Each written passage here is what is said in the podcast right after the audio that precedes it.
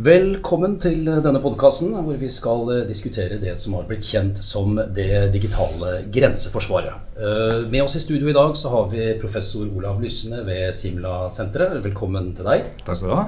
Og så har vi med oss direktør og leder i Datatilsynet, Bjørn Erik Thon. Velkommen skal du også være. Takk. Det såkalte Lysne II-utvalget har på oppdrag fra Forsvarsdepartementet utredet hvorvidt den militære etterretningstjenesten i Norge bør gis anledning til å overvåke datatrafikken som passerer landets grenser.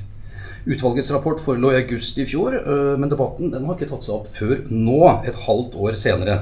Dette henger sammen med en høringsrunde som ble avsluttet ved inngangen til det nye året. Alt dette skal vi komme tilbake til, men øh, aller først til deg, Olav. Utvalget landet enstemmig på at E-tjenesten skal gis anledning til å overvåke all datatrafikk som går inn og ut av Norge. Hva innebærer egentlig dette? Ja, eh, aller først har jeg lyst til å ta tak i altså det, vi, det, vi, utredet, og det som ligger i begrepet digitalt grenseforsvar, det er å gi Etterretningstjenesten mulighet til å hente informasjon ut av de kablene som krysser landegrensene. ikke sant? Internett for det er koblet på internett over resten av verden, og da er det ved hjelp av kabler som går over landegrensen. Uh, og så er det nok noen som da vil si at nå vil få lov til å lese all informasjon, slik som du også nå Ola deg. Det er nok ikke meningen. Jeg tror ingen vil være komfortabel med at Etterretningstjenesten fikk lov til å lese all informasjon over disse kablene. Der går det svært mye informasjon om hver enkelt en av oss. Uh, men det de ber om, er en form for tilgang til informasjon som gjør at de kan gjøre, utføre de oppdragene vi, vi, vi, ber dem om å gjøre. Altså Vi ber dem om å, å, å finne ut hva som foregår i utlandet som kan være farlig for Norge i det digitale rom. Uh, og da må de ha en form for, for, tilgang til det digitale rom. Og det vi har utredet, er hvorvidt den, den tilgangen, tilgangen, bør være i, på grensekablene. Og i så fall, hvordan er det vi kontrollerer at de ikke får lov til å gjøre absolutt hva de vil der. Hvorfor konkluderte dere som dere gjorde? Og så er det selvfølgelig et meget omfattende spørsmål, hvis du skal prøve å kapsle essensen. Ja, det, det er vel aller først vil jeg jo si at De aller fleste av oss hadde, hadde ønsket at vi kunne, kunne, analysere verden og komme fram til at dette var ikke nødvendig. Det ville vært helt strålende. Eh, men når vi da ikke kom dit allikevel, så er det fordi, først og fremst fordi vi ser en kraftig eskalerende trussel i, i cyberrommet, altså i det digitale rommet. Hvor vi ser at uh, først og fremst så er det sånn at Norge som et, et, et, moderne samfunn har bygd seg opp på toppen av en digital infrastruktur. Uh, den infrastrukturen bruker vi til å styre vannforsyning til byer. Vi bruker den til å styre strømforsyning, vi bruker den til å la legene gjøre jobben sin, overvåke tunneler, altså alle disse tingene her. Og så ser vi at ja, fremmede makter eh, driver operasjoner i den norske infrastrukturen som styrer disse tingene, og det gjør seg på nesten daglig basis. Og det å prøve å finne ut hva de fremmede maktene gjør av operasjoner i Norge, og hvilke muligheter og kapabiliteter de har, ja, det er et oppdrag Etterretningstjenesten har. Og For å gjøre det oppdraget så, så, ser vi at ja, men da er det faktisk nødvendig at de har tilgang til det digitale rom. Og vi syns da at grensekablene er et naturlig sted å gjøre det på. Dere har hatt eh, mange diskusjoner og gjort mange avveininger underveis i mm. utvalget. Kan du si noe om eh, sagt, samtalenes art? Og så har dere debattert først og fremst på et juridisk grunnlag. Har det vært diskusjoner av mer teknologisk karakter? Hvilken angrepsvinkel har dere hatt? Det aller, aller viktigste for oss er å forstå og forstå lande på en god balanse mellom sikkerhetshensynet og det som, som, som, som, som Tone her vil være opptatt av, personvernshensynet. For dette, dette, er, dette er et svært, svært komplekst spørsmål. Eh, det er jo sånn at Vi er i ferd med å gå inn i et samfunn hvor det blir teknologisk og økonomisk mulig å overvåke absolutt samtlige borgere 24 timer i døgnet. Eh, og, og, eh, vi må være veldig forsiktige med hvordan vi håndterer den muligheten som kommer seilende. Og det er der diskusjonen har gått. Så er det samtidig sånn naturligvis at vi er nødt til å, til å gjøre Dersom det skal gjøres, så må det gjøres på en sånn måte at det er juridisk vanntett. Eh, sånn at Vi har hatt en god del juridiske diskusjoner også. Det har vært, eh, vært to skarpskodde jurister i utvalget som, som har, har, har, hjulpet oss med å forstå hva som egentlig er juridisk lovlig. Eh, og så er det et ganske vanskelig problem, fordi det kommer stadig nye domsavsigelser, spesielt EU-domstolen, jeg er sikker på at vi kommer inn på den, den nå etterpå, som, som, tydeliggjør hvor de grensene går. Men, men juss er en del av bildet, men er på ingen måte det hele. Takk skal du ha. Vi skal som du sier, komme tilbake til, eh, til den omtalte dommen i EU-domstolen. Uh, nå var det slik at Høringsfristen til rapporten ble satt til 6.1, men det er flere høringsinstanser som har fått en utsettelse på denne fristen. Det inkluderer dere i Datatilsynet Bjørn Erik Thon. Så langt har det kommet inn rundt 120 uttalelser, kunne jeg telle tidligere i dag. Um, og så har Datatilsynet varslet at deres svar skal være spesielt grundig. Uh, dere har til tross for at uttalelsen ikke foreligger i sin helhet ennå, deltatt i debatten. Og dere er kritiske til konklusjonene fra Lysne II-utvalget. Hvorfor mener dere at det digitale grenseforsvaret er en dårlig idé? Eh, det er rett og slett fordi personverninngrepet i dette forslaget er for, eh, for stort. Eh, for her vil det jo lages eh, flere datalagre, og det som vel er det mest uh, alvorlige sånn fra et personvernståsted, det er det såkalte metadatalageret. Der det vil bli lagret svært store mengder informasjon om folk som aldri kommer til å gjøre noe galt. For de aller færreste mennesker utgjør en trussel mot samfunnet. Men allikevel så vil det bli lagret data der om folk som ikke har gjort noe galt. Og det vil også bli lagret data der om folk som ikke skal være i eh, søkelyset til E-tjenesten. Kanskje jeg kan be, hvis du venter et lite øyeblikk, bare kan få lysne til å fortelle oss hva dette metadatalageret er? Altså Hvilken type data er det som skal ligge i, i dette lageret? Ja, aller først, Nå er det sikkert en del teknologer som hører på dette. Diskusjonen om hva som er metadata er ganske lang. Jeg bare har sagt det med en gang. Jeg kommer ikke til å ta hele den diskusjonen, men sånn intuitivt så er metadata altså I gamle verden så sendte vi brev. Eh, veldig intuitiv forståelse. Metadata er det som står utenpå konvolutten. Innholdsdata er det som står inni konvolutten. Mm. Uh, og, og, dette metadatalageret som da Bjørn Erik nå snakker om, det, det, er da ment å ta vare på en del mm. altså ting som står utenpå konvolutten, i veldig mye informasjon som sendes fram og tilbake i, i, i cyberspace. Mm. Eller over. Og så har han helt rett i at det lageret er nok det, det mest komplekse uh, personvernsmessige og mest utfordrende personvernsmessige delen av dette. Uh, nettopp fordi at der kan, vi ikke, der kan vi ikke sette inn filtreringsmekanismer som er skarpe. Det er dessverre ikke teknologisk mulig. Jeg, jeg stopper deg der, for egentlig så vil jeg bare ha med denne definisjonen mm. i, i ja. den videre samtalen vår. Bjørn du ble jo egentlig avbrutt her, uh, men, men, det er altså den delen av utvalgets eh, anbefaling som dere er mest kritisk til? Uh, ja, altså Det er jo en totalitet i det, men det er der det største personverninngrepet kommer. Nettopp fordi eh, det er der det vil være lagret mest data som sier noe om mennesker. Uh, og metadata. Og jeg syns egentlig den uh, sammenligningen som Olav trekker med konvolutten er veldig god. For utenpå konvolutten så står det som regel en adresse og hvem du sender et brev til, eller hvem du sender en e-post til. det sier veldig mye om hva du kommuniserer om hva som står inni brevet. Hvis du sender dette til et krisesenter eller til en, en, en, sjekkeside eller hva det måtte være, så sier det noe om kommunikasjonen. Og det er jo det store angrepet på personvernet i dette, er at det vil ligge jeg kan vel si det sånn at Nesten alt som ligger av persondata i det lageret, er egentlig helt uten betydning for E-tjenesten. Enten fordi det er mellom to norske borgere, Eh, og E-tjenesten skal ikke ha noe med to norske borgere å gjøre. Det er en utenlandsetterretning. Eh, og de aller, aller færreste som har sine data lagret i dette datalageret, de vil noen gang gjøre noe galt. Eh, og de har ingen skumle hensikter om å angripe samfunnet verken med terror eller med cyberangrep eller hva, hva det måtte være. og så er det selvfølgelig sånn at man skal finne en balanse mellom i dette tilfellet E-tjenesten, som skal ha uh, gode verktøy for å kunne løse sitt oppdrag. Og personvernet til norske borgere på den andre siden. Uh, og vår konklusjon er nok enda tydeligere enn det du sa i innledningen, at de var kritisk og skeptisk til dette. Uh, for vi sier en, et klart nei til digitalt grenseforsvar sånn som det nå foreligger. Og grunnen til det er kan komme tilbake til det, men hovedbegrunnelsen vår er jo at dette, slik som vi tolker rettsutviklingen i de siste månedene bare, så er det forslaget som er lagt fram, i strid med menneskerettighetene, altså EMKs artikkel 8, som stiller opp et, en, eh, en rett for folk til å kunne ha frihet for sin kommunikasjon. Og den, unnskyld, den bestemmelsen har også sitt speil i Grunnlovens paragraf 102. Eh, så det å kunne lagre data føre var, sånn som er tilfellet her. Det er ingen knytning mellom de dataene man lagrer, og en kriminell handling som er begått. Det går ikke, sånn som disse leseavgjørelsene er nå. Vi skal komme tilbake til disse paragrafene også, men jeg har lyst til å spørre deg først, Lysne. Øh, vi hører Tone her si at øh, E-tjenestens mandat er begrenset til etterretning utenfor Norges grenser. Øh, kan vi stole på at all innenlandskommunikasjon filtreres vekk og ikke overvåkes av Forsvaret? gitt at vi får en innføring av et digitalt grenseforsvar?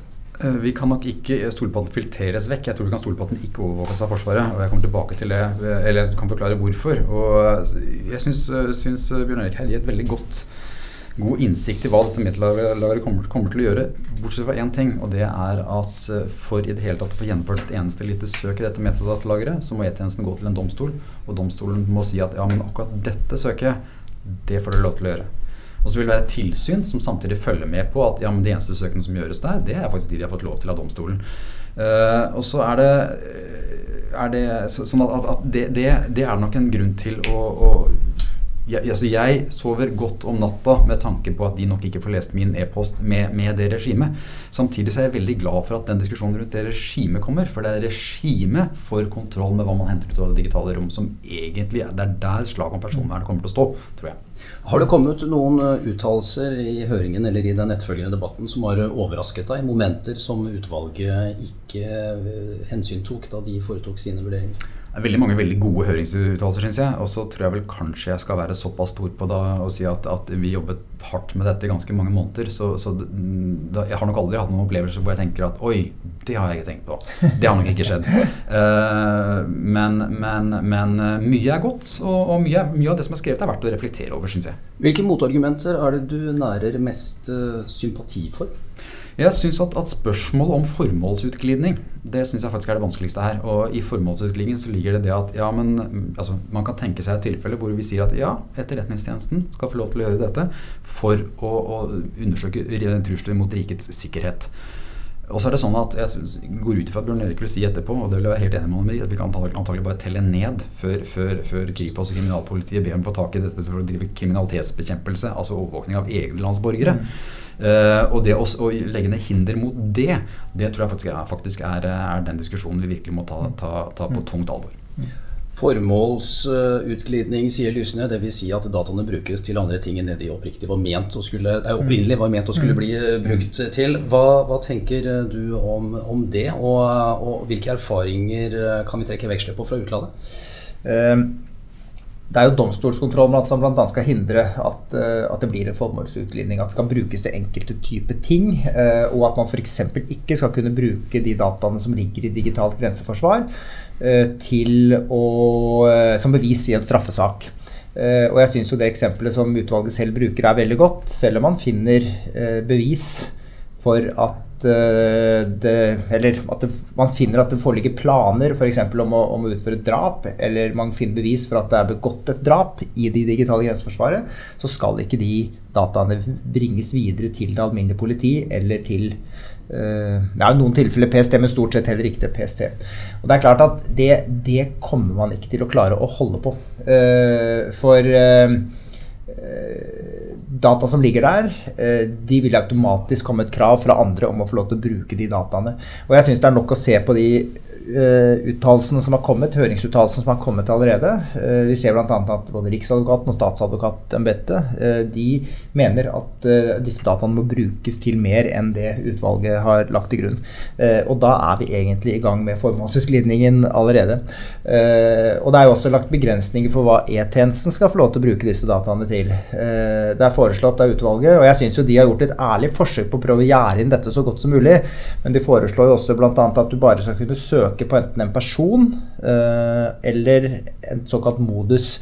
Og Det kan f.eks. være at man overvåker uh, trafikken i et område spesielt, eller én linje, eller noe sånt noe spesielt. Uh, så er det sagt nei til at man kan bruke såkalt stordataanalyse. At man kan søke mer fritt, se etter sammenhenger som man ikke håper å si, er klart å oppdage med det blotte øyet eller den menneskelige hjerne. Et utvilsomt noe som vil være effektivt for E-tjenesten å gjøre. Eh, og jeg tror bare det er et spørsmål om tid hvis dette, data, unnskyld, dette grenseforsvaret etableres og datalagrene etableres, eh, at E-tjenesten kommer til å be om å få bruke de til nye ting. Og Spoler vi bare noen få år tilbake, så hadde PST-sjefen et utspill hvor hun ba om at PST skulle få lov til å søke altså bruke stordata, big data, til å nettopp lete etter sammenhenger og strukturer som det blotte øyet eller menneskelig hjerne ikke var i stand til å oppfatte. Eh, så her har jo PC allerede foreslått eller De har bedt om et verktøy som utvalget nå sier nei til at E-tjenesten skal få. Og da skal det ikke veldig mye fantasi til uh, å se at uh, det er tidsspørsmål om tid før andre kommer til å be om å få bruke disse dataene. Og, og jeg har lyst til å si det også. Og jeg forstår det. For det vil finnes interessante data både for å oppklare alvorlig kriminalitet, eh, for å avverge alvorlig kriminalitet, for å få folk dømt i rettssaker. Det vil finnes i dette datalageret. Og da er det helt åpenbart at folk kommer til å, eller institusjoner og instanser kommer til å be om disse dataene. Lysne, er det hensiktsmessig å innføre eh, en formidabel verktøykasse og så begrense bruken av den til en skrutrekker og en hammer, og, og nedlegge forbud mot at man tar i bruk de øvrige verktøyene? Ja, det hadde vært veldig fint om det ikke var, ikke var nødvendig. Um, så tror jeg at uh, det er flere ting å si om det. Først, for det første, A, jeg tror det er nødvendig. Og B, jeg tror at man er nødt til å begrense det. Hvis ikke så er det helt livsfarlig. Uh, sånn at, at, at, at, måten du ordlegger deg på, ja. Jeg, jeg, vil, svare ja. Det, er, det, er, det, det, fremstår som klønete for mange. Og jeg, jeg, altså, når jeg hører på Bjørn Erik, han, han tenker jeg at ja, men jeg er veldig veldig enig med ham i én ting, og så er jeg veldig uenig med ham i noe annet. Jeg er veldig enig med han at, at trykket for formålsutviklingen kommer til å komme. Det tror jeg ikke vi behøver å diskutere. Det er der allerede i, i høringsuttalelsene. Og så er jeg uenig i noe annet, og det som da ligger implisitt i det han sier, at det er helt opplagt at da vil vi gi etter for det trykket. Det er ikke så opplagt for meg. Eh, spesielt så ser man jo nå av, av, av, av at beslutningen om hvorvidt man skal bruke dette f.eks. til kriminalitetsbekjempelse, den synes å bli flyttet ut av Norge gjennom nye domsavsigelser i, i, i EU-domstolen. Eh, denne berømte dommen som vi sannsynligvis kommer inn på om et lite øyeblikk, som ble avsagt i, EU-domstolen i desember, den diskuteres veldig mye, men én ting som er helt klokkeklart der, det er at, at data samlet inn på denne måten kan altså ikke brukes til kriminalitetsbekjempelse. Og dermed så er det jo sånn at ja, Selv om trykket kommer, så er det slettes ikke opp til norske myndigheter nødvendigvis å gi etter for det trykket, fordi det, denne beslutningen tas et annet sted. Men Hvis vi forholder oss til det som skjer innenfor landets grenser, så, så er det jo slik at uh, politikere på, på, stemmesanking er i siste instans de som skal utforme lovverket som skal mm. ligge til grunn for bruken av de dataene som da blir uh, indirekte tilgjengelig via den digitale grenseovervåkningen, mm. det digitale grenseforsvaret. Hvor realistisk mener du at det er at politikere under press ikke gir etter for en massiv opinion? Det spørsmålet har jeg stilt uh, i Stortinget uh, da jeg har vært i Stortinget og, snakket med noen, noen, stortingsgrupper til forskjellige partier. Uh, og det, det, det, blir et alvorstungt stillhet i rommet når jeg stiller det spørsmålet, så jeg tror de forstår det. nå vil Jeg vel, jeg håper vi kommer tilbake til Teledo-dommen etterpå, for den, den, for meg så ser det som den flytter det ansvaret ut av Stortinget, ut, ut av Norge og ned, ned, til, ned til, til Europa. Og det gjør meg roligere. La oss ta det med en gang, for nå har vi referert til denne dommen såpass mange ganger. Mm. Eh, det var altså slik at fire måneder etter at Lysne II-utvalget la frem sin rapport, så falt det en dom i EU-domstolen som mange mener da må få betydning for eh, konklusjonene i deres mm. rapport. Lysne. Eh, kort fortalt så sier dommen, som tok utgangspunkt i forhold i bl.a. Sverige, at det å overvåke trafikk- og lokasjonsdata på generelt grunnlag uten forutgående mistanke om lovbrudd er et brudd på ja, nær sagt eh, det meste. Eh, Dvs. Si kommunikasjonsvernsdirektivet og EUs menneskerettighetscharter. Ville dere konkludert annerledes dersom denne dommen hadde eh, eksistert før rapporten ble ferdigstilt? På, på de spørsmålene så, jeg har jeg vært nødt til å hvile meg på den juridiske ekspertisen jeg hadde i utvalget. Og, altså, jeg, jeg vil være litt forsiktig å sitte her som en sølvet teknolog og, og være helt skarp på nøyaktig hva det er. Uh, det jeg tror er riktig, at det, det som det er den delen av det digitale grenseforsvaret som denne dommen setter et spørsmålstegn ved, er akkurat metadatalageret som Bjørn Erik snakket om her i sted. Uh, jeg tror vi alle sammen fort blir enige om at hvis, hvis, hvis at dersom, dersom Tele2-dommen, som den jo kalles, gjør den umulig, ja, så må den jo fjernes. Naturligvis. Vi kan ikke innføre noe som ikke er lov.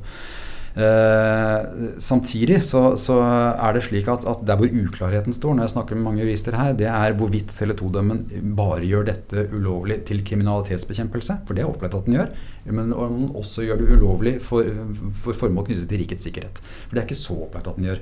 Uh, den diskusjonen får, får juristene ta. Uh, jeg avventer en konklusjon på det, men jeg tror vi alle sammen er enige om at dersom Tele2-dommen gjør metadatalager umulig, ja, så må metadatalager bort. Hva tenker du, Ton, om det Lysne sier, og om denne dommen som altså kom eh, helt opp mot jul? Um, ja, vår vurdering, og den vil jo være veldig godt beskrevet i den høringsuttalelsen som nå er på vei ut i ja, postgangen med, med konvolutt. Eh, nei da, den sendes selvfølgelig på e-post også. Eh, så vil vi redegjøre veldig, veldig grundig for vårt syn på akkurat den dommen. Og konklusjonen er jo, som jeg sa i stad også, at den får i hvert fall dette forslaget som nå Lysne 2 har lagt fram, til å tippe i feil retning hva angår forholdet til EMK, at dette er i strid med EMK. Uh, og det er nettopp fordi det stilles opp en god del kriterier om, som må være oppfylt. For, for, det er ikke sånn at denne dommen sperrer for at man kan, kan lagre eller bruke data til å etterforske kriminelle, kriminelle handlinger. Det er fastslått i flere dommer også. Den første datalagringsdirektivdommen så fastslo man det. Man sa at kommunikasjonsdata det er legitimt å bruke for å både forebygge og oppklare og forhindre alt mulig slags kriminalitet.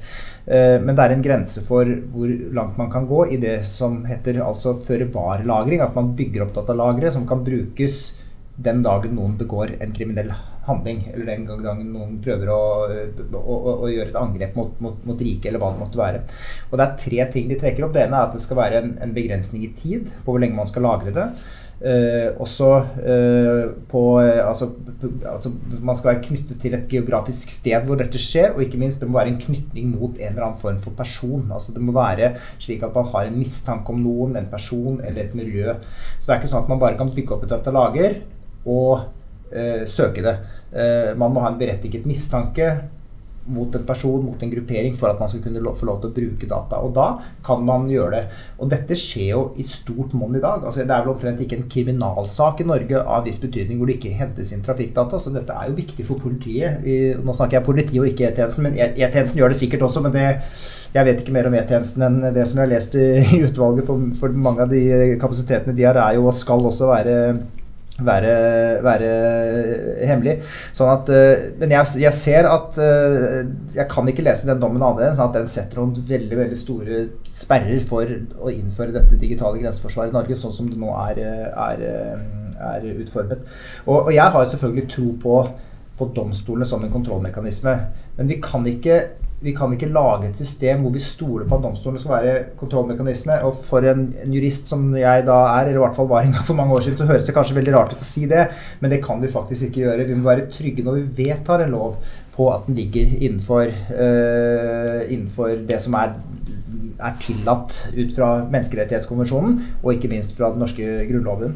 Eh, og I de siste årene så har vi, jo, har vi jo sett at det er jo domstolen som tar den rollen. ikke sant? I, i, i datalagringsdirektivsaken så var det domstolen som til slutt satte ned foten og sa nei, vet du hva, her har domstolene og det norske Stortinget vedtatt en lov som er ulovlig.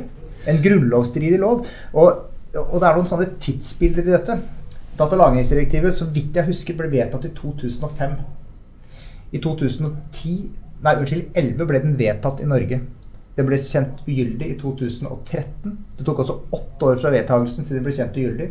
Nå, siste rest, 2016. Det er elleve år siden dette direktivet ble vedtatt. Så her er det en kvern som, som må det veldig sakte før man får endelige avgjørelser. Og det kan gjøre mye gærent i den, den, tiden. Så vi kan ikke liksom basere oss på et system hvor andre setter grensen. Det er Stortinget som skal sette grensen, og så skal domstolen være en kontrollmekanisme for at Stortinget ikke gjør noe galt. Og det er jo den situasjonen vi all del må unngå å komme i nå, men som jeg ser at vi er i ferd med å bevege oss inn i, dessverre. Jeg vil gjerne stille et spørsmål også som er av ikke-juridisk karakter, hvis vi kan forlate jussen litt. Mm. Uh, rapporten og, og, mange av høringsuttalelsene har problematisert det som kalles nedkjølingseffekt. Dvs. Si at en omfattende overvåkning av denne typen skal kunne ha innvirkning på både den offentlige samtalen og private samtaler. Uh, hvis jeg starter med deg, Bjørn Erik Thon. Uh, hvor, hvor, reell er denne frykten? Har man noen, noen, erfaringer fra andre sammenhenger å basere seg på? Eller blir det bare synsing når folk sier at vi begrenser oss når vi vet at vi overvåkes?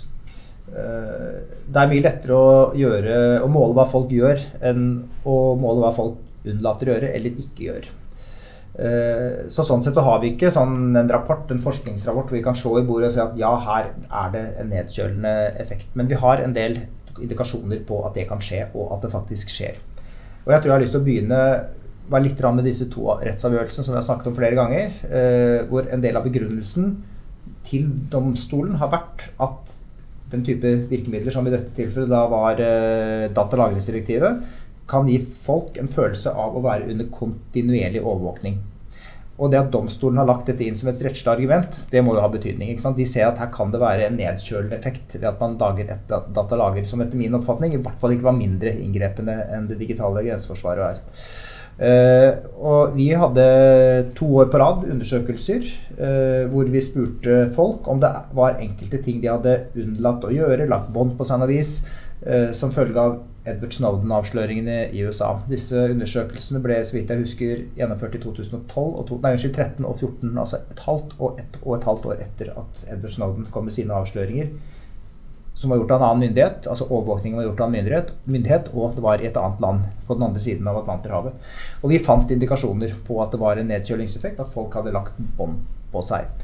Uh, og jeg er nok jeg er, kanskje, jeg, jeg er bekymret for nedkjølingseffekten, definitivt. Men jeg er mest bekymret for nedkjølingseffekten for de som lever i en slags randsone i samfunnet. Og da tenker jeg ikke på vi tre som sitter i studio og har en levert samtale om dette forslaget. Jeg snakker om raringene, særingene, de med en annen seksuell legning, annen politisk oppfatning, en rar interesse, noen snåle venner i utlandet, en fetter som er fremmedkriger. Altså folk som ikke har gjort noe galt, som er helt, helt innafor Eller som, som, ikke kanskje er som alle andre, som har en annen familie enn alle andre. Det er, det er den retten de har til å kommunisere. Hvis den blir borte, det er da liksom vi taper en vesentlig samfunnsverdi. Og de blir nedkjølt før oss som sitter her. Aksepterer du disse argumentene, Lysne, og, og, og, hva tenker du i så fall på, eller om det at vi med dette da kanskje skaper et samfunn som, som er litt fryktpreget? Er dette et samfunn som du syns det er greit å overføre i, som arv til eh, dine egne etterkommere? Nei, Jeg synes, eh, jeg lytter med glede på det Bjørn Erik sier her, fordi dette, dette er svært viktige ting. Eh, nedkjølingseffekten er, eh, det er riktignok noe jeg forsker har lett etter litteratur som viser hvor, hvordan måler vi den, hva vet vi egentlig om den. Veldig få eksperimenter. Det er vanskelig å sette eksperimenter på dette, som, som Bjørn Erik sier, men det er såpass godt beskrevet at det er grunn til å ta dette på alvor. Uh, og så er jeg da, Det er en av grunnene til at vi i den aller første altså Lysne 1-rapporten om, om, digital sårbarhet sa at ja, men des, denne typen virkemidler må ikke innføres uten forutgående debatt. For den foregående debatt har to sider ved seg. For det første så får vi antagelig tatt en bedre beslutning. Uh, og for det andre så, så, så får vi spredt informasjon om hva er det som egentlig foregår. Og det jeg er mest redd for her, eh, og som kanskje også berører den diskusjonen om nedkjølingseffekt, det er at vi setter etterretningstjenesten i en situasjon hvor vi gir dem oppdrag hvor de er nødt til å ha tilgang til digitale rom, men hver gang de ber om tilgang, så sier vi nei. Uh, fordi uh, det er jo lett å se hva som, hva som da vil bli nødt til å skje. Uh, jeg går ut ifra at, at hvert øyeblikk nå, hvis ikke de hadde fått det, så får de beskjed om, om å, å, undersøke hva er det som skjer, og som kan true uavhengigheten til det norske stortingsvalget til høsten. Det går jeg ut ifra nå kommer. Det, etter det som har skjedd i USA, og som nå skjer i fryktet andre steder, så, så, så kommer den typen oppdrag. Og det synes, Den situasjonen jeg vil være mest komfortabel da, er at vi, når de får det oppdraget, at de vet hvilke virkemidler de har. Og at vi da har satt opp en kraftig og stor kontrollrigg for å sørge for at ja, men vi vet også litt om hva de ikke vil være i stand til å gjøre når de gjennomfører det oppdraget der. Så for meg så handler egentlig denne diskusjonen her veldig mye mer om så stor transparens som du overhodet klarer å få. Og så handler det om kontrollriggen. For jeg, kan ikke, for jeg mener at Etterretningstjenesten er nødt til å ha tilgang til det digitale rom. Og det er ikke noe sted i det digitale rom jeg vil være komfortabel med at de har tilgang uten kontrollrigg. Derfor vil jeg først og fremst ha en diskusjon om kontrollriggen. Jeg må nesten stoppe deg der, for vi begynner å komme til veis ende. Jeg har et spørsmål til som jeg vil kort innom før vi avslutter, og det handler om eh, teknologi. Mm. Nå er det slik at Flere av høringsinstansene peker på at det finnes teknologiske omveier rundt et digitalt grenseforsvar grenseforsvar hvis dette innføres. Og, det mest åpenbare er å peke på all den tilgjengelige krypteringsteknologien som finnes. Mm.